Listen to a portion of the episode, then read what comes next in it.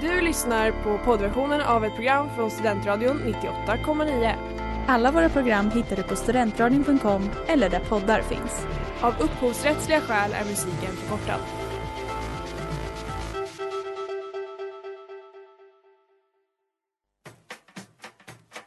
Hur är Uppsala som cykelstad? Men, men alltså verkligen, cred till alla rättshaverister där ute. Vad har ni för relation egentligen till näthat? Det faktumet att man kan bli tvångsgift. En möpare, det är en militärt överintresserad person. De som argumenterar för att public service ska vara skattefinansierat. Systembolaget har ju liksom den stora fördelen att de faktiskt säljer sprit. Alltså det gör ju inte försvaret. Sen lunch med PRK, ditt inrikespolitiska program. Varje onsdag klockan 18 på Studentradion 98,9. Hej och välkomna till Scenlunch med PK här på Studentradion 98,9 och vår insamling till Musikhjälpen med temat Ingen människa ska lämnas utan vård. Hörni, efter allt arbete är vi äntligen igång. Hur mår vi alla? Hur mycket har vi gett till Musikhjälpen? Mycket! Yes, Ja, vet du, Micke har ju haft vi mår bra. Härligt. Micke har ju haft att om man ska... Om vi når 5000 i vår insamling så ska han ju bada. Och jag tänkte att jag skulle vara den som skulle få ge den sista slanten så att Micke faktiskt får bada i Fyrisån. Men då hinner min mamma före. Av alla människor. Ja, för nu har vi nått i mål va? Ja, på grund av mamma. Extremt Ja. upprörd över att hon tog mig den glädjen. Eh, hörni, Oj, det kommer bli kallt mycket. Ja. Hörrni, 2015 sattes de 17 globala målen i FNs generalförsamling som ofta refereras till som Agenda 2030. Det tredje globala målet heter God hälsa och välbefinnande och man beskriver detta mål med att god hälsa är en grundläggande förutsättning för människors möjlighet att nå sin fulla potential och bidra till samhällets utveckling. Och även fast detta är ett stort område där det har gjorts stora framsteg så har de senaste decennierna eh, så finns det även mycket kvar att göra. Så om vi nu ska nå målet fram till 2030 så är det väl ändå bra att vi är här idag och har denna musikhjälp till just den, med just detta tema. Så vad ska hända i dagens program Hörrni? Vi ska ha Uppsala politikerstuderandes egna presidium som det ska berätta vad vi gör som förening för Musikhjälpen. Och vi ska även quizza dem lite på årets tema. Och vi har även några fantastiska gäster idag. Vi har dels läkaren Karin Schneck Gustafsson som ska prata om forskning ur ett könsperspektiv. Vi har Emelie Karlsson som ska prata om aborträtten i Polen. Anna Blideman, medicinsk rådgivare hos Läkare utan gränser, ska prata om diabetes och tillgången till vård. Och Emma och Matilda ska diskutera vad årets ämne är för dem. Men först kommer vi börja med Kristina Henschens som är generalsekreterare på Radiohjälpen som ska prata om covid-19. Men jag tänker att innan vi drar igång så ska jag påminna om att ge en liten slant till Musikhjälpen. Och denna länk hittar ni i Facebook-eventet för det här, UPS egna bössa. Men man kan även googla Uppsala polisstuderandes bössa och Musikhjälpen har jag lärt mig. Och med det sagt tycker jag att det är dags för oss att dra igång. Känner vi oss redo? Ja, det gör vi. Jajamensan. Yes. Då tycker jag att vi kör Ja, en liten låt först. Ja, då har vi alltså Radiohjälpens generalsekreterare Kristina Henschen med oss på telefon här. Välkommen hit. Ja, men tack! Tack, roligt att få vara med. Eh, Jag står ju här inne på eh, Musikhjälpen-området här på hemlig ort någonstans i Stockholm. Och idag börjar vi sända. Skulle du Mm. kunna kortfattat kunna ge ett eller några exempel på hur effekterna av pandemin har påverkat utsatta barns hälsa och även tillgång till vård? Ja, och det är en väldigt viktig fråga för barn blir ju inte nödvändigtvis sjukast av det här coronaviruset. Så mycket vet vi ju eh, idag. Men eh, barn drabbas oerhört hårt eh, av eh, virusets konsekvenser. Och det är det vi fokuserade på eh, vid Världens barninsamlingen som var i oktober. Och eh, också hälsokonsekvenserna eh, av coronapandemin eh, är någonting som säkert kommer tas upp här under eh, Musikhjälpen. Eh, det är nämligen så att när alla resurser går till pandemin så blir det naturligtvis så att alla de andra sjukdomarna, det som går att förebygga, vaccinationskampanjer, eh, eh, förebyggande rent vatten, allt, allt det här, eh, diarrésjukdomar, det som naturligtvis eh, i Sverige inte är ett stort problem utan man kan, det finns medicin. Allt det där kommer i skymundan och det vi ser nu är att pandemin har liksom dröjt undan eh, eh, väldigt mycket resurser från hälsosystemen. Mm. För, och dessutom blir ju naturligtvis folk sjuka i själva pandemin. Så att eh, det här är ett, eh, en stor, stor risk just nu eh, som pågår runt om i världen. Finns det några särskilda grupper av utsatta barn vars hälsa och eller tillgång till vård påverkats mest av pandemins effekter som du beskriver? vi jobbar ju med de allra mest utsatta människorna i världen. det är ju bland annat barn Eh, men jag vill särskilt lyfta gruppen som lever med en funktionsnedsättning eller funktionsvariation mm. som är särskilt utsatta. För där är eh, inte alltid, eh, eh, finns inte tillgänglig vård. Du kan inte ta dig till en vårdinrättning. Det finns inte en anpassad möjlighet eh, att ta sig dit. Det finns ju mm. massor med olika, jag menar jag följer noga situationen i eh, Jemen där världens värsta humanitära kris råder och där jag själv besökte landet eh, bara för ett drygt år sedan. Och eh, där vet vi att oerhört många barn eh, och eh, ut, fattiga människor står i en enorm hungerkris. Mm. 80 procent av människorna i Jemen behöver humanitärt stöd för att överleva. Och här slår ju naturligtvis också eh, liksom minskade resurser och den stora hungern som kommer i pandemins spår runt om i världen mm. oerhört hårt. Eh, Unicef har ju beräknat att 6 000 barn om dagen kan komma att dö på grund av pandemin och då är det inte av viruset utan av virusets konsekvenser.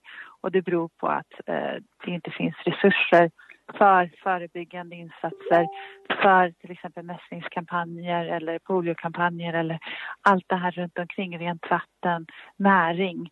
Eh, och eh, eh 6 000 barn eh, per dag under fem år riskerar att dö och det är ju väldigt, väldigt mycket, över en miljon på sex månader. Vad anser du är det mest effektiva sättet att hjälpa dessa utsatta barn och grupper som du beskriver? Dels är det kunskap, att vi måste sprida kunskap och folkbilda kring eh, vård eh, och de, de, alltså att över halva jordens befolkning inte har tillgång till vård är ju någonting som vi verkligen behöver liksom fokusera på.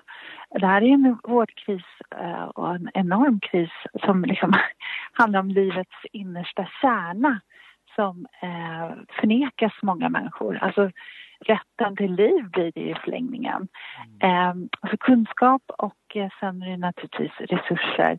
Men ett aktivt ansvarsutkrävande och det gör ju vi på Radhjälpen genom att stödja civilsamhället. Eh, alla de pengar som kommer in till Musikhjälpen de kanaliseras till civilsamhällsorganisationer som jobbar runt om i världen med att trycka på. Trycka på för ofta är det ju också i slutändan politiska beslut att tilldela befolkningen eh, möjligheter att tillägna sig vårdresurser och eh, kunna komma till läkaren när man vill. Att det ska finnas ambulanser, att det ska finnas möjligheter att hålla sig frisk och leva ett gott liv. Då vill jag tacka dig så jättemycket för att du ville vara med eh, hos oss här på Scenlunch med PK. Ja, tack själva och lycka till med era sändningar och mm. alla ni där ute som hör det här. Tack till er som eh, engagerar er i Musikhjälpen. Det är livsavgörande. 98,9 Studentradion Uppsala. Det här är Dennis Pop. Stay tuned. Ja, och där hörde du Leo Bahandi med låten Headers här på Studentradion 98,9 och ni lyssnar på Scenlunch med PK. Ja, och eh, nu ska vi byta ämne och vi ska nämligen prata om det stora landet i väst och jag pratar såklart om USA.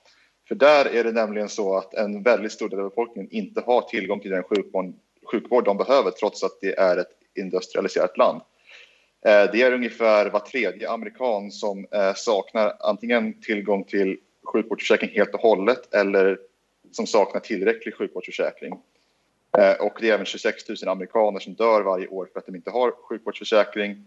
Ehm, och då kan man fråga sig varför är det så många amerikaner som inte har tillgång till sjukvårdsförsäkring? Jo, men det är ju för att det är så extremt dyrt med sjukvård i USA och eh, det gör då att bara de medelklass och uppåt har råd med tillräckligt bra sjukförsäkring. Eh, så min fråga till er nu är, eh, skulle, skulle det löna sig egentligen om man till exempel skulle göra Medicare for all, som Medicare for all till alla som vissa föreslår, eller skulle det skada ekonomin i USA? Eller finns det några andra åtgärder man skulle kunna ta egentligen för att se till att inte 26 000 människor i USA dör varje år? Eh, jag tycker det är helt enkelt att om varenda västvä- västland i liksom världen har klarat av att ha liksom någon form av sjukvård för sin befolkning så borde världens största ekonomi kunna lyckas med att få det. Det handlar inte om ekonomi eller någonting sånt utan det handlar om att alla ska ha rätt till vård i samma land tycker jag. Ja, jag tänker också att, det är, att amerikaner de värdesätter ju sin egna frihet väldigt mycket. Men, och det är därför de har typ sagt att Obamacare och Medicare att det är eh, någonting som inte de föredrar för att de tycker att staten lägger sig i för mycket av deras fria val. Men om man tittar på hur det ser ut idag så det fria valet när det kommer till vård har ju minskat när man prioriterar att eh, en vinning, en ekonomisk vinning i eh, sjukvårdssystemet. Att medicin har blivit framförallt mycket dyrare eh, för att efterfrågan är inte lika hög, så då höjs priserna. Och att de blir mer svårtillgängliga och alla sjukhus eh, har inte dem. Eh, och det blir mer, liksom, vård generellt blir svårtillgängligare när den blir dyrare. För den kan inte drivas på lika många orter. Mm. Elian, vill du avsluta med någonting?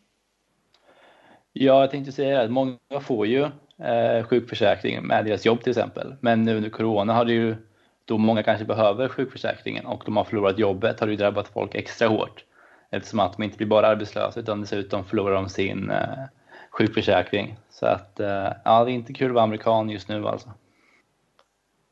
Nej, det, det är verkligen inte liksom det här eh, dyra gör ju verkligen att det är så många som dör av de här sjukdomarna och så vidare. Så man hoppas ju att de kommer att göra lite bättre i det där landet. Så, för det är ju trots allt det enda industrialiserade landet i världen som inte har eh, statlig, eh, statlig sjukvård, så att säga.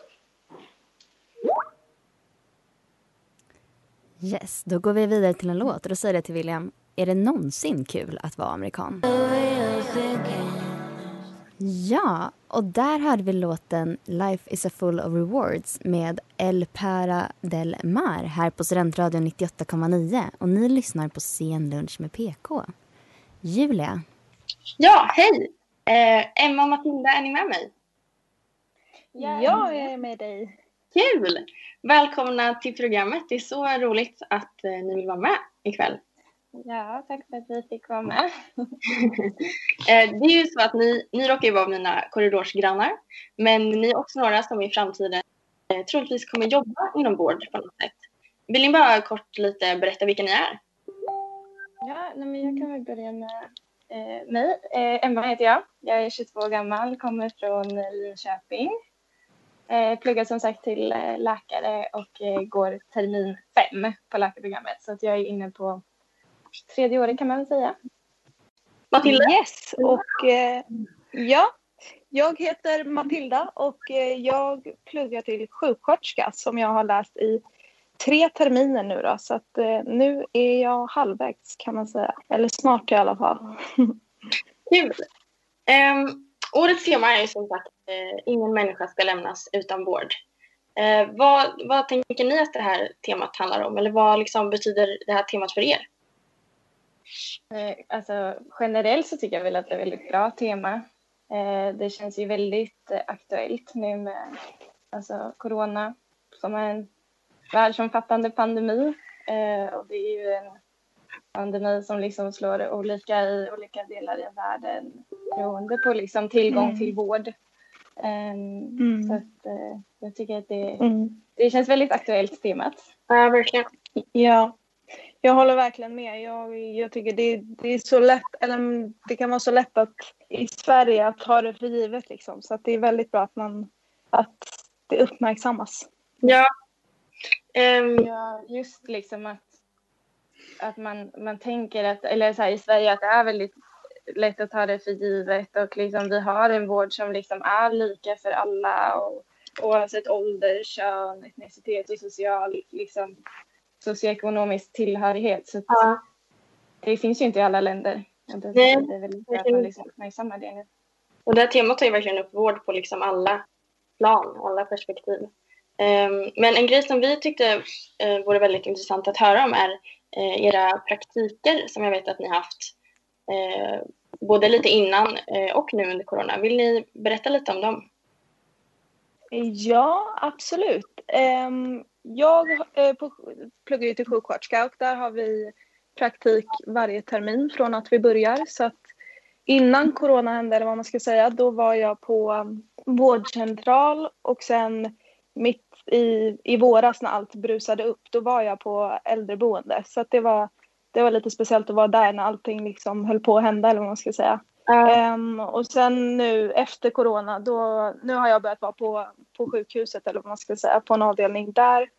Och nu är det ju mycket, ja, det är ju mycket mer skyddsutrustning eller vad man ska säga. Men något som jag verkligen känner har förändrats är ju också ens egen inställning till att gå till praktiken. Typ att eh, det kan kännas väldigt läskigt att kliva in för de där dörrarna och ha sin praktik för att man, man är ganska rädd för att råka dra in någonting även fast det inte liksom är, är meningen eller, eller så.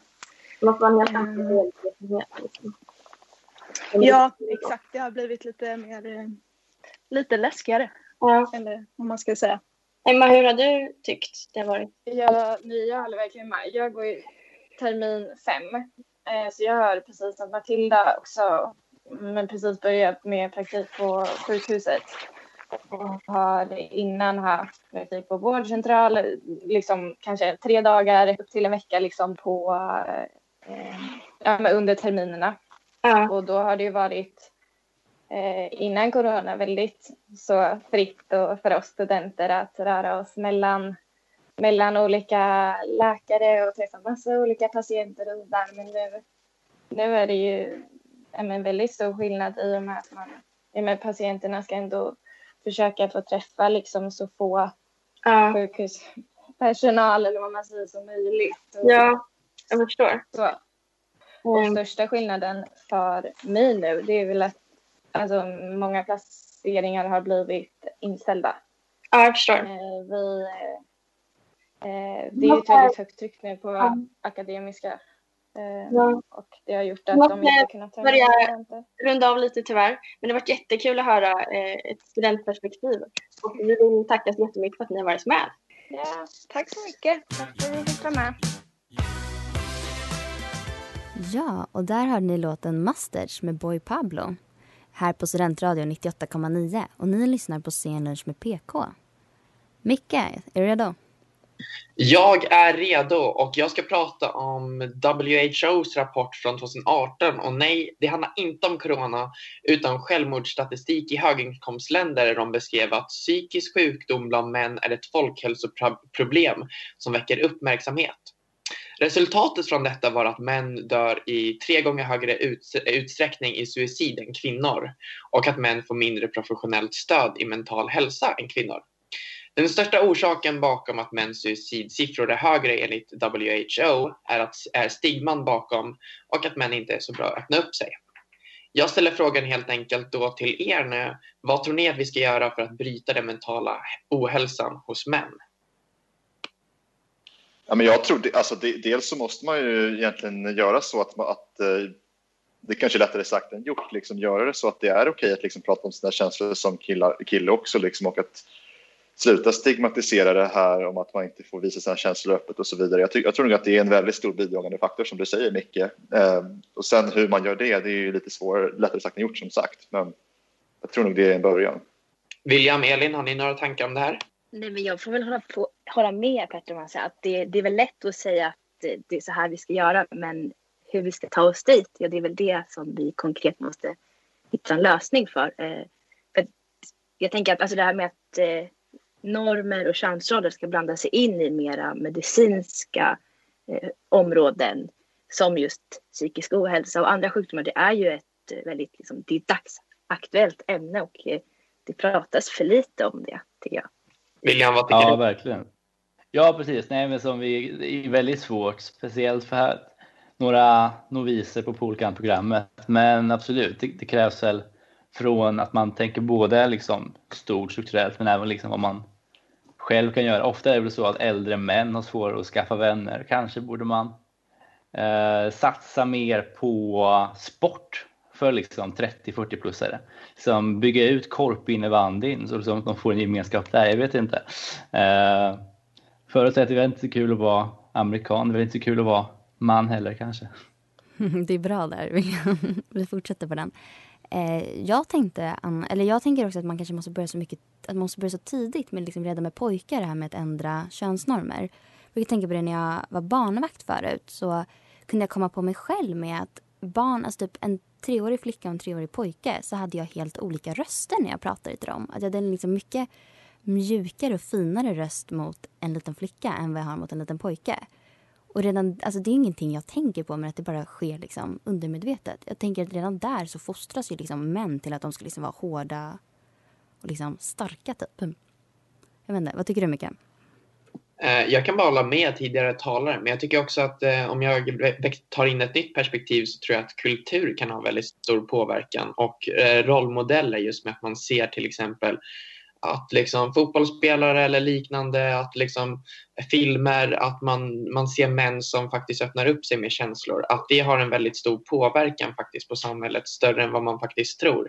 Att om man ser en människa öppna upp sig om känsla liksom, som man ser upp till så kanske man också vågar göra det. Ja, det finns mycket vi behöver förändra.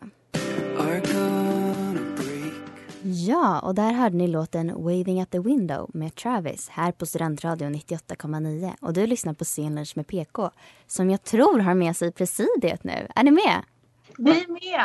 Mm. Hallå! Hej! Härligt, gud vad roligt. Vi, jag och Micke tänker quizza er lite idag. Mm. Ja! Uh -oh. Micke, är du redo? Jag kastar över bollen till dig. Jag är jätteredo. Vi kör igång direkt. Ni får helt enkelt svara 1, kryss 2 och för varje fel svar så ska ni swisha in lite pengar till Radiohjälpen. Första frågan är helt enkelt. Vad är den förväntade livslängden i världen? 1. 50 år. X 60 år och 2. 70 år. 70 tror jag. Mm. Svarar vi tillsammans? Nej, ni svarar en, enskilt. 60 säger jag då. Han har... Jag säger 70. Okej. Okay. Jag säger, jag säger 50 för att då kommer vi swisha. Vi går vidare direkt till nästa fråga. Hur många av världens ettåringar har blivit vaccinerade med något sorts vaccin? 1. 20 procent. X. 50 procent. 2. 80 procent. 50 procent.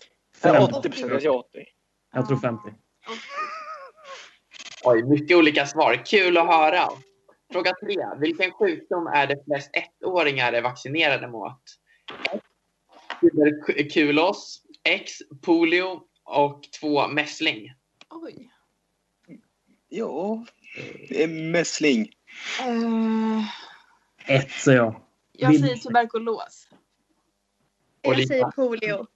Spännande. Ja. Vi tar nästa. Till följd av brist på preventivmedel, mödravård och säkra aborter dör kvinnor i onödan varje dag. Vad är den fruktansvärda siffran på detta? 1. 100 kvinnor per dag. X. En varannan minut. 2. Eh, två kvinnor per timme. En varannan minut tror jag. Oj. Usch. Um... Eh, två, säger jag. Ja, sista alternativet. Ja, jag säger också det. Eh, kul att höra. Äh, inte kul att höra, förlåt. Men spännande att höra helt enkelt.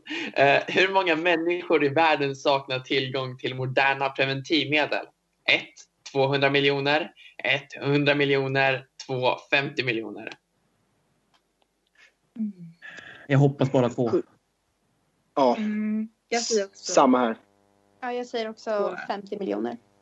Två personer. Hoppas Elsa får med allting. Det här kommer bli spännande att köra facit sen. Men vi kör fråga Det är bra, ni testar Agnes skriva ner kunskaper här kan jag säga. Det, det går fort. Det blir svårt men jag, jag tror på Agnes verkligen. Uh, fråga 6. Vilken sjukdom har man i stora delar av världen lyckats utrota med hjälp av vaccin, uh, vaccinprogram? 1. Aids. X. Mässling. 2. Polio. Fortsätter på mässlingsspåret här. Jag säger polio också. Polio säger jag också. Hanna? Ja, polio. Ja, förlåt, jag hörde inte. Eh, fråga sju. Vad är den vanligaste dödsorsaken i världen? 1. Hjärt och kärlsjukdomar. 2. HIV eller aids. Eh, samma där. Och 2. Diarrésjukdomar. Diarrésjukdomar. Jag säger hjärt och kärlsjukdomar. Ja, ett säger jag också. Jag tror diarrésjukdomar tror jag. Eh, fråga 8. Hur många barn under fem år dör varje dag? 1. 1000. X. 20 000. 2. 14 000. Mm. Eh, Ja. Två. ja, X säger jag kanske. Ja, jag säger också X. Det här är svåra frågor, men jag tycker vårt presidium gör en helt fantastisk insats. Två frågor kvar. Sätta på, på ett ungefär hur många människor världen över har blivit smittade i covid-19. 20 miljoner var första alternativet. X är 70 miljoner och 2 är 320 miljoner.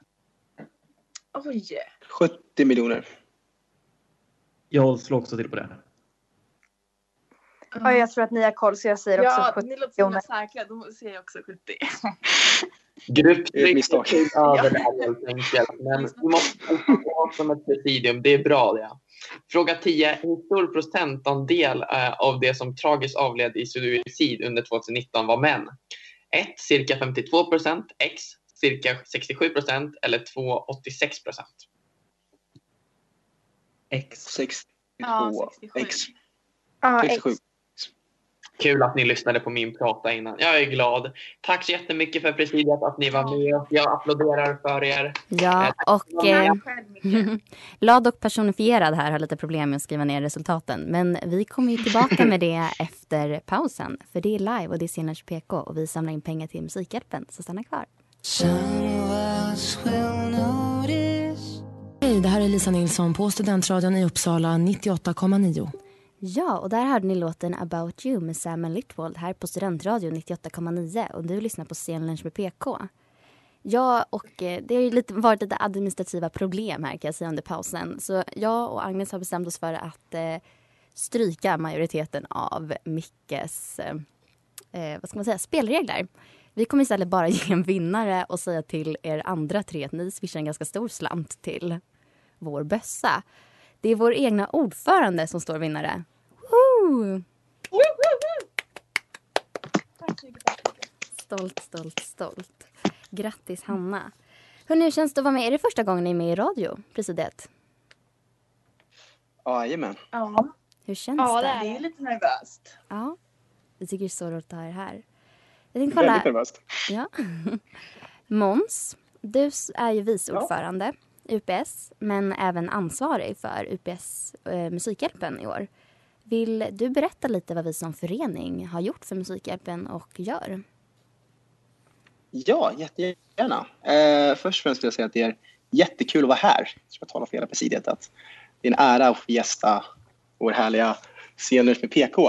Eh, så vi i föreningen vi sätter upp en bössa varje år.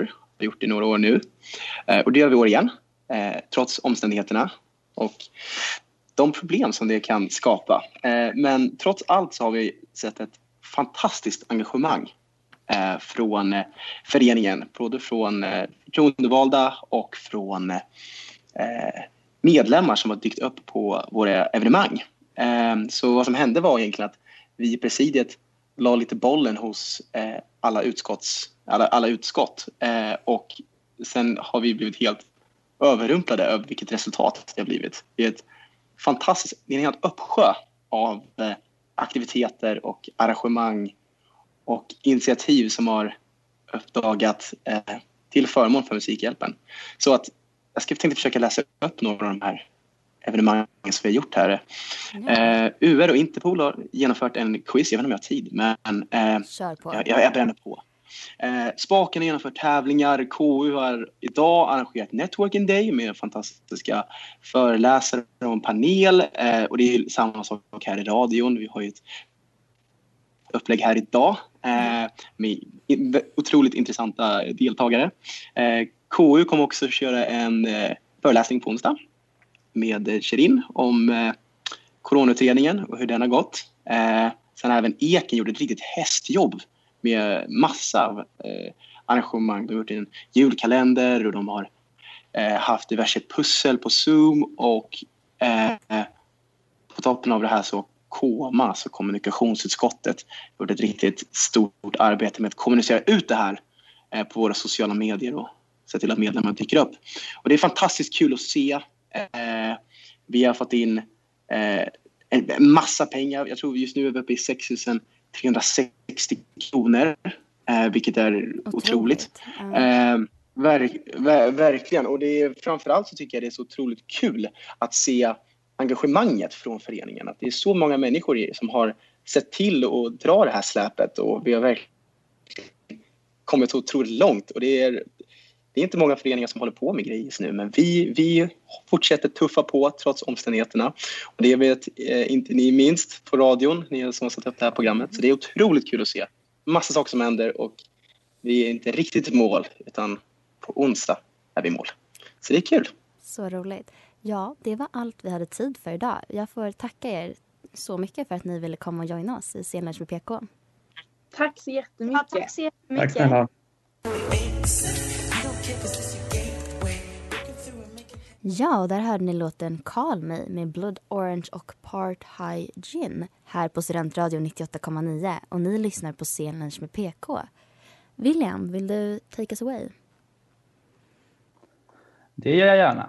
Precis. Och i ett föga väntat kommer även det här ha viss koppling till corona och covid-19. För att i början av pandemin så talar man lite om att corona kanske är någon the great equalizer. Det kommer nog, det drabbar alla rika som fattiga. Men det visar sig vara långt ifrån sanningen. Det är snarare the great accelerator. Att man ser att um, Rink, I Rinkeby så är covid-19 liksom fyra gånger dödligare än på Östermalm och fattiga länder kommer få vänta ännu längre på två vaccin. Och liksom, vaccin på coronaviruset skulle annars kunna vara någonting som jämnar ut det. Många länder har eh, köpt upp det för att kunna eh, vaccinera hela sin befolkning gratis och flera företag har eh, gått med på att inte gå med vinst eh, med försäljning av, coronavir- av coronavaccin.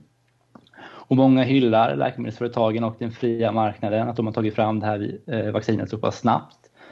Eh, men det är inte liksom just den fria marknaden som har lyckats med det här, utan det är snarare att länders regeringar har gett stöd till utveckling av vaccinet. De har eh, gett garantier om massinköp och forsk eh, liksom, själva forskningen har utgått ifrån ja, statligt finansierad eh, grundforskning. Ehm, um, ofta, mycket, ofta har vi sett att just den fria marknaden klarar inte av att ta fram vaccin till flera typer av sjukdomar då det inte är lönsamt. Man ser det inte som en gångbar eh, investering som att det inte ger kortsiktig eh, vinst. Eh, under andra världskriget gjorde den amerikanska regeringen så att de tog kontroll över all tillverkning av penicillin då det anses vara så pass viktigt eh, för ja, dels kriget men också för befolkningen. Eh, de även tvingade läkemedelsföretagen att arbeta tillsammans. Skulle man kunna göra någonting likadant nu? Att länders regeringar tar kontroll över produktionen och tillverkningen av coronavaccin. Är det verkligen rimligt att någonting så viktigt som läkemedel och vaccin ligger på den fria marknaden? Eller är det dags för att förstatliga, eller i alla fall ta mer kontroll över läkemedelsbranschen? Vad säger ni? Julia, vill du börja? Absolut. Um, jag tänkte lite på det här just med att, eh, eller som jag har fattat det så ligger väldigt mycket av liksom, produktionen på alltså, företagen. Att det är ju inte kanske någonting som vi skulle klara oss utan. Men det är väldigt intressant med om, alltså, hos vem ansvaret ligger med att liksom, få ut vacciner till alla för, och, och så att det ska liksom, gå till på ett eh, liksom, rättvist sätt. Eller det kommer ju kanske antagligen inte bli så. Men eh, ja, jag, jag, vet inte riktigt. Jag har liksom inget så här, ja man ska förstatliga eller nej man ska inte. Det, jag tycker det är svårt. Petter, har du några alltså, jag tycker lite så Ja, jag tänker lite så här att det, det, kan ju låta bra att till exempel att alla stater i världen använder, alltså börjar sponsra vaccin för sina länder och så. Fast det blir lite av en klassfråga också för då kommer ju till exempel de rikare länderna ha råd med fler vacciner än de fattiga länderna på det sättet. Så jag kan ju samtidigt förstå hur ni tänker men det blir lite av en klassfråga där också. Sen är det ju bra om alla i länderna kan få vaccin, det håller jag absolut med om. Men man kan ju tänka sig att det blir lite av en klassfråga där också om bara om staterna ska ta hand om allting. Alltså de, mellan olika länder så att säga blir det ju klasskillnader på ett sätt. William, vill du ge några avslutande ord? Eh, ja, precis. Ja, precis. Att det kan ju ses som så, men att eh, för rika länder har bättre eh, men och medel för att tillverka bättre vaccin. Eh, men samtidigt att kanske borde man kanske lagstifta om att man inte får ha patent på vaccin till exempel, att man ska tvingas samarbeta, jag vet inte. Men såklart, det är eh, jag har svårt att se att vdn för Pfizer och eh, AstraZeneca kommer vilja ge bort dessa lukrativa eh, patent. Men man kan alltid hoppas. Där hörde ni låten Through the Night med Isabella Apollo och Elijah Sisk här på Studentradion 98,9 och ni lyssnar på Sen lunch med PK. Eh, och nu har vi faktiskt med oss på länk i studion en kär gammal vän till mig och läkarstudenten Emily Karlsson. Hej Emily, hör du mig? Ja, hej Elsa. Gud vad kul att höra din röst. Ja. Så länge sedan. Detsamma. Ja, kul att ha dig här. Ähm, vad sa du? Kul att ha dig här. ja, tack, tack. Eh. Ähm, ja, och du frågade mig om jag kunde komma in och prata lite om aborträtten i Polen. Precis. För, och då tänkte jag börja med det att det har ju spridits en eh, röd blixt, en bild på en röd blixt i Polen. Och man ser på sociala medier att folk ritar en röd blixt på sig själva och lägger upp. Vad är det denna blixt symboliserar och hur kopplas den till aborträtten i Polen? Ja, den började eh, 2016 då det var flera demonstrationer för, mot de här reglerna som skulle införas i Polen mot abort och eh, också för kvinnliga rättigheter. Så den spred sig via sociala medier då och har växt sig ännu starkare med ju fler demonstrationer som har varit.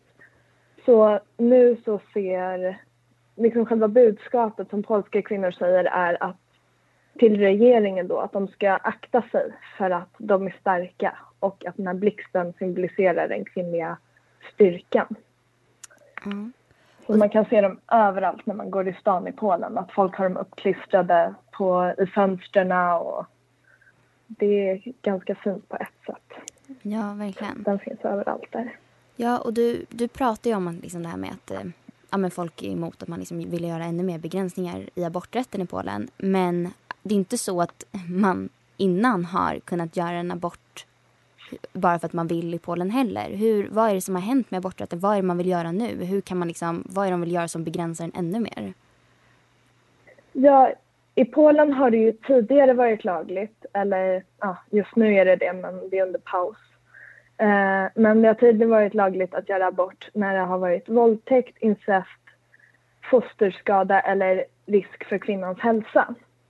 Men det man nu har insett, eller det man nu ser, är att eh, fosterskada ingår, eller det strider mot den polska konstitutionen, säger då det här nya politiska partiet som är i kraft, som heter PiS. Eh, och den strider mot eh, rätten till liv. Mm. Och eh, så de tänker ta bort det som de flesta kvinnorna i Polen då får, ens får göra, anledningen varför de ens får göra abort, vilket är fosterskada och ta bort deras rätt um, att uh, behöva bära på det här fostret som det inte ens är säkert ifall det kommer kunna andas mm. när det kommer ut ur magen. Så det är uh, jättetragiskt och um, det, det har ju varit enorma demonstrationer. Det har varit över 4, 430 000 sa de i Warszawa tror jag det var. Oj, ja. Som hade gått ut och demonstrerat, demonstrerat nu under corona. Mm. Och eh, det är ju hårda restriktioner i Polen. Men nu är jag hemma för att alla studerar på distans och jag hade lite hemlängtan. Men det var ju hårda restriktioner. Man fick inte gå in i matbutiker hur som helst och alla små butiker hade stängt. Och Mm. Man hade mask på sig utomhus vid alla tider och kunde få högre böter. Ja, jag förstår. Och du, du pluggar ju till läkare i Polen, vilket är ett yrke som är högst involverat i liksom, abort, aborter. Eh, hur går diskussionerna bland er? Alltså vad, hur går diskussionerna bland lärare och elever? Och vad är liksom folks inställning i, lärar, i läkarkåren? Liksom?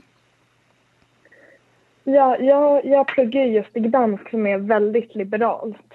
Um, och man märker ju på lärarna att de är emot det och man har hört mycket kommentarer och vi elever har ju varit med, uh, eller må, många har varit ute och demonstrerat också. Uh, och har på oss de här blixtarna, blixtarna och så. Men uh, jag vet inte, det, lärarna vågar inte säga för mycket Nej. eftersom att väldigt mycket i Polen är ju styrt av staten. Och eh, även fast det kanske inte ska vara så så, eh, så lärarna får ju inte heller dela sin politiska åsikt med oss men man vet ju att de är väldigt besvikna. Mm. Du, det har varit så roligt att ha med dig här på scenen som PK. Tack så mycket för att du ville vara med. Ja, tack Elfa. Hej då. Kram på dig. Kram på dig. Hej. Hej Karin Schenk Gustafsson, senior professor i kardiologi och specialist inom allmän internmedicin. Välkommen till CNP Lunch med PK. Tackar. Tack. Hej. Ska vi börja med att eh, förklara vad genusmedicin är för någonting? Mm. Ja, jag bildade ju ett, centrum, ett forskningscentrum vid Karolinska institutet 2001 som heter Centrum för genusmedicin. Och det berodde på att när jag då var chef för hjärtintensiven på Karolinska och gick runt eh, så hittade jag då att det var lika mycket kvinnor som män som hade hjärtinfarkt men i läroböckerna stod det att hjärtinfarkt var mannens sjukdom. Och då började jag intressera mig för det här och så blev jag då eh, började jag då forska och sådär. Och sen så kom jag ju på då att eh, inom andra specialiteter också så fanns det inget, eh, inte särskilt mycket skrivet om könsskillnader i olika sjukdomar. Och det är självklart om en sjukdom nästan bara drabbar eh, kvinnor, till exempel benskörhet eller eh, finns eh, ätstörningar och sådana saker, då måste man ju titta på varför det drabbar just kvinnor. Och inom min specialitet då, hjärt-kärlsjukdomar, så är det ju då, finns det ju vissa områden där kvinnor drabbas helt annorlunda än män. Och eh, då när jag började med det här så var det väldigt mycket fokus på genusvetenskap. Och det eh, anser vi är mer då med vad som händer i samhället, kultur, etnicitet, eh, socioekonomi och sådana saker. Och eh, kön, det är då hormoner, ärftlighet och sådana saker som, som påverkar hur man får olika sjukdomar. Eh, och problemet är, eller problemet, det är ju så då att de här två sakerna, kön och genus, går in i varandra.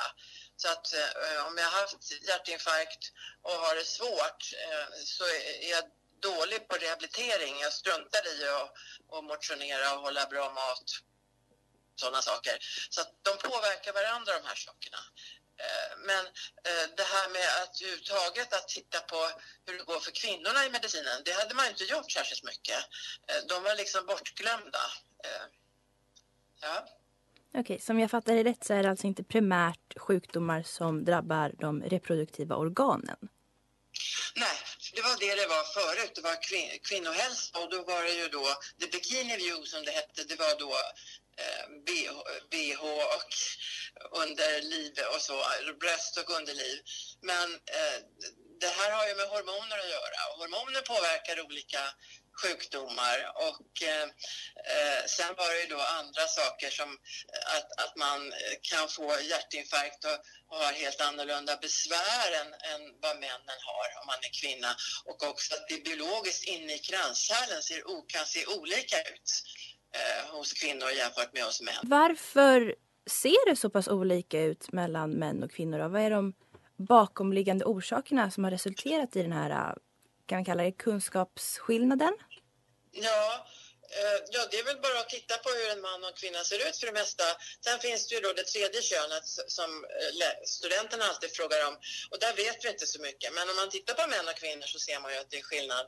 Och då är det ju hormoner som skiljer oss åt. Det är genetiskt, genetiska saker och eh, hur arvsmassan ser ut. Men också lite det här med ehm, genus, hur vi är uppfostrade och vilken miljö vi kommer ifrån har ju också betydelse för Eh, hur, hur vi ter oss som, som män och kvinnor och hur det ter sig i, då, i medicinen.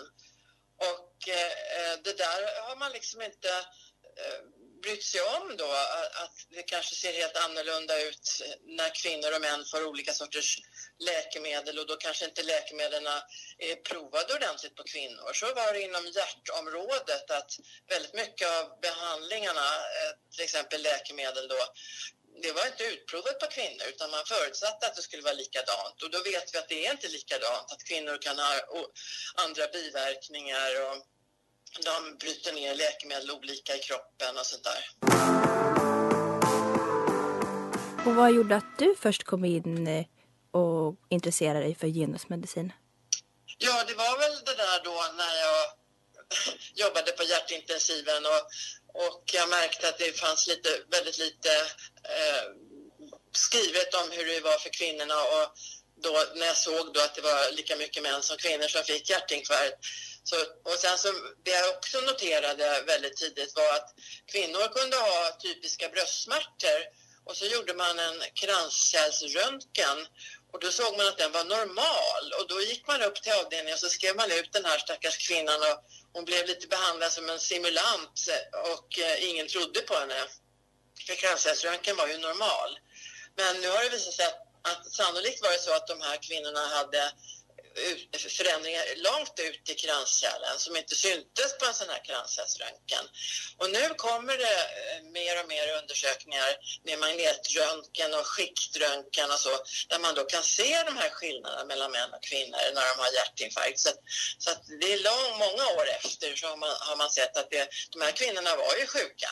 Finns det fall eller områden eller sjukdomar där den här kunskapsbristen eller forskningen går åt andra hållet som drabbar män negativt? Absolut, och det ingår ju också i genusmedicin.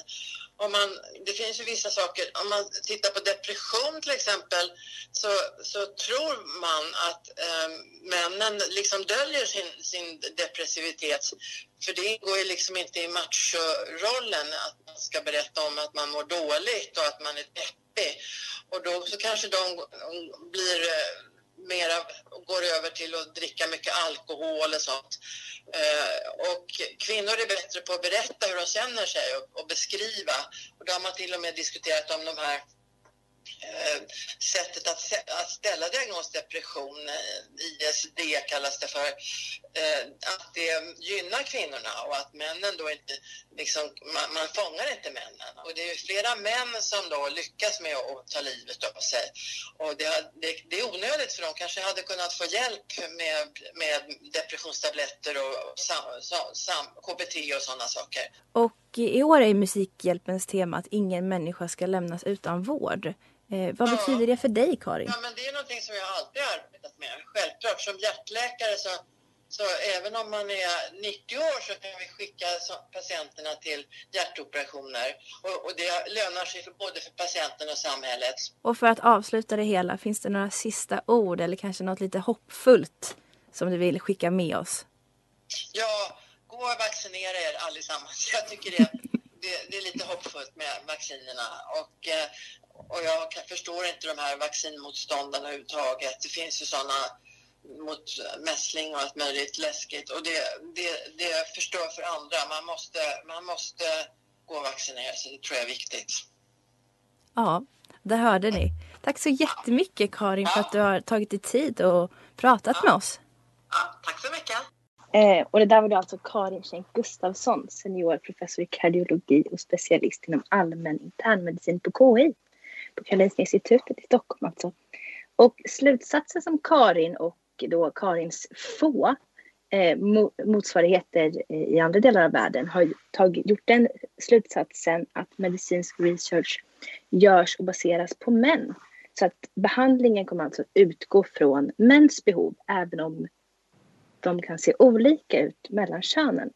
Ehm, men att män även drabbas på andra sätt av den här ojämlikheten inom medicin och forskning. Och det är mycket för att sociala perspektiv som vi kanske tidigare inte har ansett påverka eh, medicin och de mer naturorienterade ämnena faktiskt gör det. Ehm, så jag vänder mig till er, mina kära radiokollegor, direkt och frågar, visste ni någonting om det här sedan tidigare? Eh, om jag är helt ärlig så hade jag aldrig hört talas om det här eller hade ingen aning. Men jag tackar att du tog upp det här ämnet och jag lyssnade också på den podden du skickade. Jag tycker det här är ett intressant ämne som måste lyftas mer. Liksom verkligen, att det kan verkligen vara så stora skillnader och att det liksom alltid behövs mer forskning på olika områden och liksom att jämställdhet är någonting som man måste verkligen jobba med, verkligen också på alla områden. Ehm, jag är då bara en dum poolkandare inom medicin, men jag känner att jag blir mer utbildad och det här är någonting som vi måste belysa mer i samhället. Ja, mm, verkligen. Det, man, det jag skulle kunna koppla till är det man har hört om att de som forskar och utvecklar AI är framförallt vita män och det gör att själva AI-systemen är byggda runt om, vilket gör att de till exempel inte eh, känner igen mörka människor på samma sätt, eller kvinnor. Att eh, det är intress intressant vad som hände med eh, brist på representation och eh, när en viss arbetskår blir övervikt av män eller kvinnor. Att det blir sådana oväntade resultat. Ja, det är ett väldigt nytt eh, perspektiv tror jag för väldigt många som att se på medicin på det här sättet. Ehm, jag menar en av åtta kvinnor får de vanliga eh, normativa symptomen på en hjärtinfarkt som läs ut som eh, läkarstudenter får lära sig i skolan. Ehm, så ja, tack så jättemycket för er input.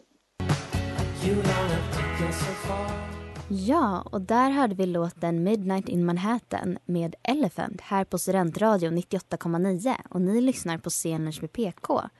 Och nu är det dags för oss att presentera nästa gäst som joinar oss här i Scenlunch med PK. Och det är Anna Blideman som är sjuksköterska och medicinsk rådgivare på Läkare Utan Gränser och har varit i fält både i Haiti och Irak. Hej Anna, välkommen till Scenlunch med PK. Så kul att ha dig här. Hej, tack så mycket. Det känns jättekul att vara med.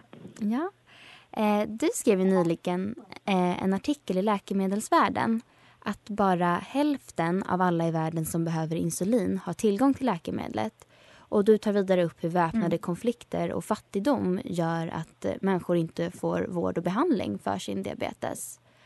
Och mm. i den här artikeln så tar du upp tre olika områden där Sverige tillsammans med andra länder eh, behöver ta tag i. Och då tar du upp kylkedjan, priset och komplexiteten. Skulle du vilja berätta lite mer om detta, dessa tre områden och vad det innebär? Ja, men absolut. Eh, alltså som du sa då, så är det ju bara hälften av alla människor globalt som behöver insulin som har tillgång till det. Och eh, insulinet upptäcktes ju av läkare för nästan exakt hundra år sedan och de sålde patentet för en dollar just för att de ville att alla skulle få tillgång till det här livsviktiga läkemedlet. Men ja, som du sa, tyvärr är det ju inte så idag. Eh, utan antalet personer med diabetes ökar kraftigt och ökningen sker främst i låg och medelinkomstländer där tillgången också till insulin är som sämst. Eh, och då är det ju som, precis som du sa, lite olika eh, anledningar till att folk inte får tillgång till insulin. Och kylkedjan som du sa är ju en av anledningarna. Alltså att insulin, som många andra läkemedel, ska ju förvaras i kylskåp innan det börjar användas. Men enligt läkemedelsbolagen så måste det också hållas kallt när förpackningen har brutits och liksom när patienten börjar använda det själv. Mm. Och i många länder där vi jobbar då, då är det ju liksom väldigt varmt och temperaturen sjunker liksom inte kanske under ens 35 grader. Och samtidigt som våra patienter inte har kylskåp. Och där har vi gjort egna studier som visar att man faktiskt inte behöver ha insulinet så kallt som läkemedelsbolagen hävdar. Eh, och det här är ju liksom enormt viktigt för oss och våra patienter att veta. Det betyder ju att de inte behöver komma till en klinik flera gånger om dagen för att ta sina in, in, liksom injektioner. Eh, så det här är alltså i slutändan om, man, om läkemedelsbolagen blir tydligare och inte liksom sätter en viss temperaturangivelse utan tillräcklig anledning så kan ju det här, ja men jag skulle vilja säga att det kan rädda liv. För det, ja, det har ju en enorm inverkan då på hur våra patienter, eller allas patienter får tillgång till det här eh, insulinet. Ja, det skulle verkligen Men sen så tar det förutsättningar. Ja, men precis. Eh, Men så tar det upp priset då, då och komplexiteten kring diabetes. Så Att, eh, ja, men, som ganska ofta så är ju priset en stor, ett stort hinder till varför man inte får tillgång till läkemedel och sjukvård. Eh, och då är ju tyvärr insulin och diabetes ingen, eh, inget undantag. Eh, och vi ser ju att vi betalar ungefär fyra gånger produktionskostnaden för vad liksom insulin kostar. Och eh, om man lägger på liksom hjälpmedel som insulinpennor och, och glukosmätare, alltså det som man mäter blodsockret med, så, här, så blir det väldigt mycket pengar. Så att, eh, ja, för att fler ska få tillgång till insulin och de här eh, hjälpmedlen så måste de, det är ett fåtal läkemedelsbolag som dominerar marknaden idag, så måste de sänka priset kraftigt. Ja, och då kan man säga att diabetes är ju alltså ett exempel där man tydligt ser att man har olika förutsättningar till att tackla sjukdomen beroende på var i världen man lever. Eh, Mm. eller föds in. Och eh, nu har vi det här covid-19-vaccinet som är på ingång. Och där har man Mm. pratat en hel del om hur man ser liksom, att rika länder håller på och roffar åt sig vaccin. Eh, och vad har Mm. länder så som Sverige för ansvar i sådana här situationer? Att se till att det liksom sprids jämlikt på något sätt och att det inte bara den som har lättast att liksom få tag i det som får tag i allt. Nej men precis, jag tycker verkligen att du sätter liksom, eh, vet du det, du slår huvudet på spiken där. För att det, det handlar ju precis om det, att det, det måste, jag menar ett framtida vaccin nu som håller på att tas fram eller andra typer av läkemedel kring, kring covid-19 måste fördelas solidariskt. Och det måste det ju göras både ur en rättviseaspekt, det är jätteorättvist om det inte gör det, men också eh, så är det här en pandemi, så vi måste hjälpas åt, annars kommer vi inte kunna få stopp på den. Eh, och Sverige, som du säger, har ju ett väldigt stort ansvar att liksom, i sina eh, nätverk eh, och eh, ja, men liksom bedriva påverkansarbete kring, kring att eh, se till att, alltså, att man får gå från ord till handling. Sverige har pratat väldigt mycket om att det ska fördelas solidariskt. Då måste man vara en del av den lösningen. Eh, nu är ju Sverige en del av eh, de länderna som liksom har förbokat vaccin och det är många länder som inte har möjlighet att göra det.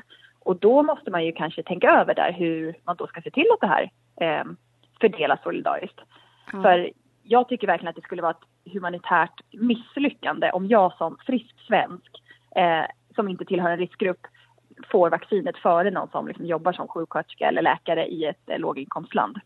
Verkligen. Du, Anna, du, följer, eller du är med oss efter pausen också, men först ska vi bara lyssna på en liten låt. Så är vi strax tillbaka. kul! Och där hörde ni låten Can We med Jim E. Stack och Casey Hill här på Studentradion 98,9. Och ni lyssnar på Sceners BBK som fortsätter sin intervju med Anna Blideman.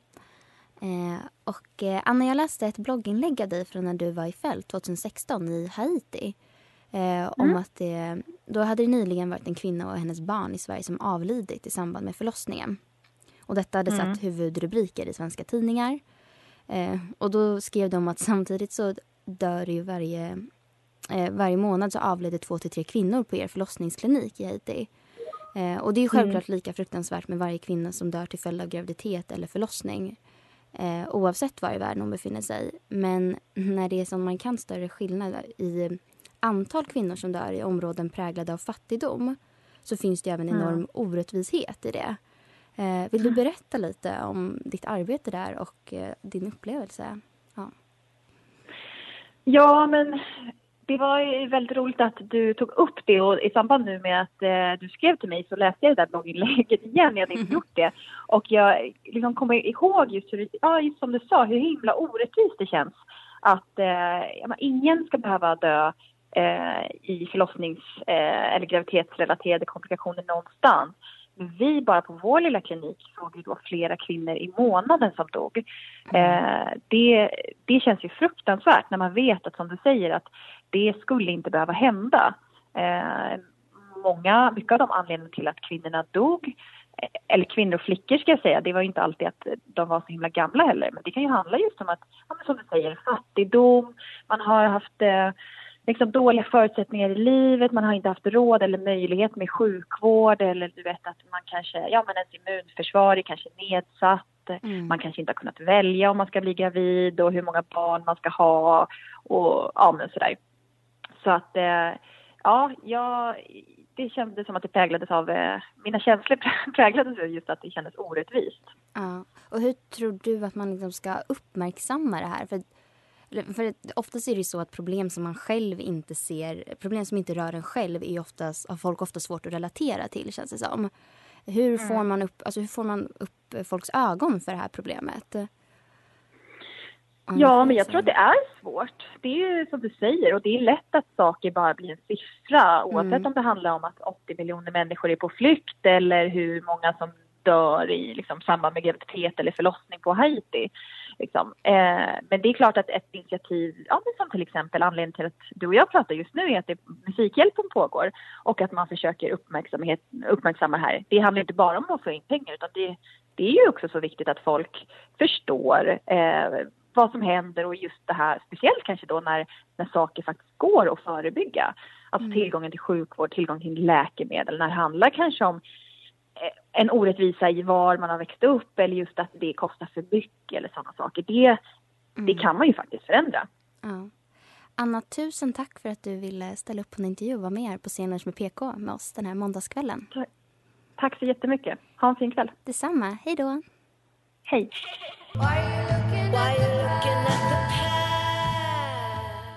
Och där hörde ni låten Why You Looking med Sibyl Attar här på Studentradion 98,9 och ni lyssnar på scenen med PK. Och snart lyssnar ni på Julias härliga stämma.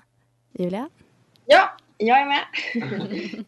Eh, vi, ja, vi lyssnade precis på Anna Blideman från Läkare Utan Gränser.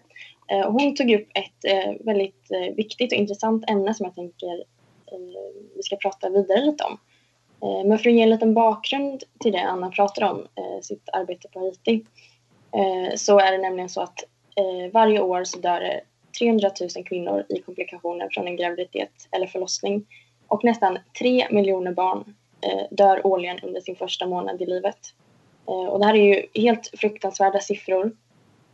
Och, och precis som Anna sa så är det som är liksom väldigt hemskt att nästan 80 procent av de här dödsfallen Eh, kan förhindras för att de eh, beror på att eh, kvinnor inte får tillgång till basal vård som en barnmorska eh, eller sjuksköterska skulle kunna ge. Eh, och i år så har ehm, WHO utsett 2020 till sjuksköterskornas och barnmorskornas år. För det saknas idag ungefär 9 miljoner sjuksköterskor och barnmorskor världen över som vi skulle behöva för att nå Agenda 2030-målet om god hälsa och välbefinnande som jag vet vi alltså pratade om i början. Um, och jag läste en artikel som Sida skrev i och med internationella barnmorskedagen eh, 5 maj i år eh, att covid-19-pandemin riskerar att kraftigt öka dödligheten bland gravida kvinnor och nyfödda barn. Eh, vården har ju på många ställen behövt ställa om i och med krisen eh, och resurser på mödrahälsa har minskat eller försvunnit helt. Och det här gör att färre föder på sjukhus, eh, färre får hjälp av utbildad personal. Eh, och de menar på att en, en viktig lärdom eh, som vi bör ha i åtanke och som visar vikten på att upprätthålla god vård eh, för kvinnor är från ebola-epidemin. För där eh, var det nämligen så att eh, tillgången på vård minskade så pass mycket i, eh, eller vård i samband med graviditet och förlossning att fler dödsfall berodde på det än på själva ebolaviruset. Och jag tyckte det var väldigt intressant att höra Anna prata om det här ämnet och um, precis som du frågade Elsa, vad tror du man kan göra för att uppmärksamma den här och just den här eh, gruppen som är så viktig i och med mödrahälsa? Alltså, det är så himla svårt samtidigt som det är en sån himla... Alltså, alla föds ju. Alltså, alla, de flesta ja. kvinnor går igenom en förlossning. Det är en sån himla liksom, enkel och liksom, sak som verkligen påverkar alla på ett eller annat sätt. Samtidigt som det känns som en fråga som så himla lätt hamnar i skymundan. Ja. Eh. Oavsett liksom omständigheter, oavsett om det är krig eller naturkatastrof eller nu som en pandemi så kommer liksom eh, kvinnor kommer föda barn. Och det är därför det blir så, jag tror det blir så stora effekter av att, eh, av att liksom mödrahälsan prioriteras bort. Ja. Och det blir väldigt eh, alltså långtgående effekter. Alltså Ja. dör en mamma så påverkar det hela alla barnens liksom, framtid och kanske en hel familjs framtid eller helt samhällets framtid. Mm. Och så tänker jag på det när du säger det här med att man drog lärdomar från ebola där allt fokus handlade på att ta hand om det viruset och istället för att rädda eller liksom för istället liksom fortfarande hålla ett fokus på mödrahälsovården att det fokuset försvann. Eh, och det finns väl ganska stora risker tänker jag nu med eh, covid-19. Eh, Ja, verkligen. Det är ju någonting som man verkligen borde eh, ha i eftertanke nu. ja. Um, alltså sjuksköterskor och barnmorskor är ju några som verkligen fått stå i frontlinjen liksom nu. Mm. Ja. Verkligen kämpat för allas rätt till vård. Ja, men man blir liksom så himla, speciellt jag tror så här, som kvinna själv också, när man, om man tänker en potentiell framtidsförlossning själv så är det så här, ah gud, läskigt om det gör ont. Ja. Medan i andra länder så är det så här, ah läskigt om man dör. Alltså det är så sjukt att förstå. Orättvisa för någonting som, som i princip alla, eller många kvinnor går igenom i sitt liv. Liksom. Ja, och så läser man typ nu typ på Läkare utan gränser deras artiklar där det är man har åkt, man har kommit till förlossningskliniker där man bara lyckats förbättra hygienrutinerna. Och Mm. bara det har lett till att man har lyckats rädda liv. Att det, är såna, en, alltså det är en sån onödig sak kvinnor så- behöver dö av. Det är så basalt, liksom. eller det är så grundläggande vård. Eh, som, och därför tror jag att vi verkligen ska försöka, eller därför tror jag att den här kampanjen är viktig, att stärka liksom, sjuksköterskor och barnmorskors roll. För att deras, liksom, det är en yrkesgrupp som kanske kommer i skymundan framför liksom, läkare eller eh, forskare och sånt där. Men att de är verkligen en grupp som, eh, som liksom räddar så många liv på Verkligen. platser där, som kanske har osäkra sjukvårdssystem. De är våra gudinnor. De är våra hjältar. Där hörde ni Ge upp igen med Miriam Bryant och Yasin här på Studentradion 98,9 och ni lyssnar på Scenlunch med PK som efter två timmar av insamlande av pengar ska säga hej då. Vilken, eh, vilket avsnitt det här har varit. Vilka gäster, vilka radiosändare. Ja, det är helt otroligt. Jag tittade i, vi har tydligen fått in typ 7200 var det typ just nu. Så det är, i början av dagen var det liksom knappt 5000. Då var det, jag vet inte ens kommit ner i Fyrisån men nu har vi slått det med hästlängder så det är Ja. jättekul. Verkligen. Ja, nej, jätteskönt. För jag försökte uppdatera själv här sidan. Då tog det noll kronor för mig när jag går in på vår bössa. Det kändes som folk som har dragit tillbaka sina pengar av att lyssna på oss. hade ju varit jättejobbigt.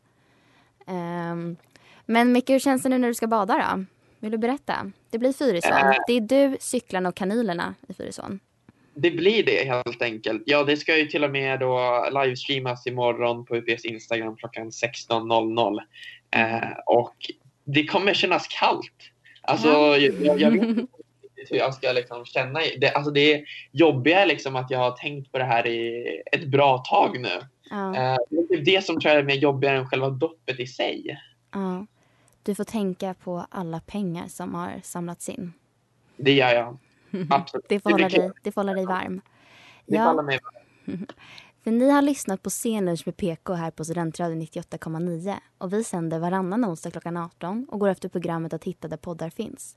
Det som har medverkat i dagens avsnitt är jag, Elsie Josefsson, Julia Levert, Mikael Eliasson, Elin Lax, William Norling och Petter Förberg. Och vi ska även nämna vår fantastiska assistent här i studion, Agnes Wadensjö Karén. Jävlar vad hon har kämpat. God jul och gott nytt år önskar Scenlunch PK er alla. Hej då på er! Du har lyssnat på poddversionen av ett program från Studentradion 98,9. Alla våra program hittar du på studentradion.com eller där poddar finns. Och kom ihåg, att lyssna fritt är stort, att lyssna rätt är större.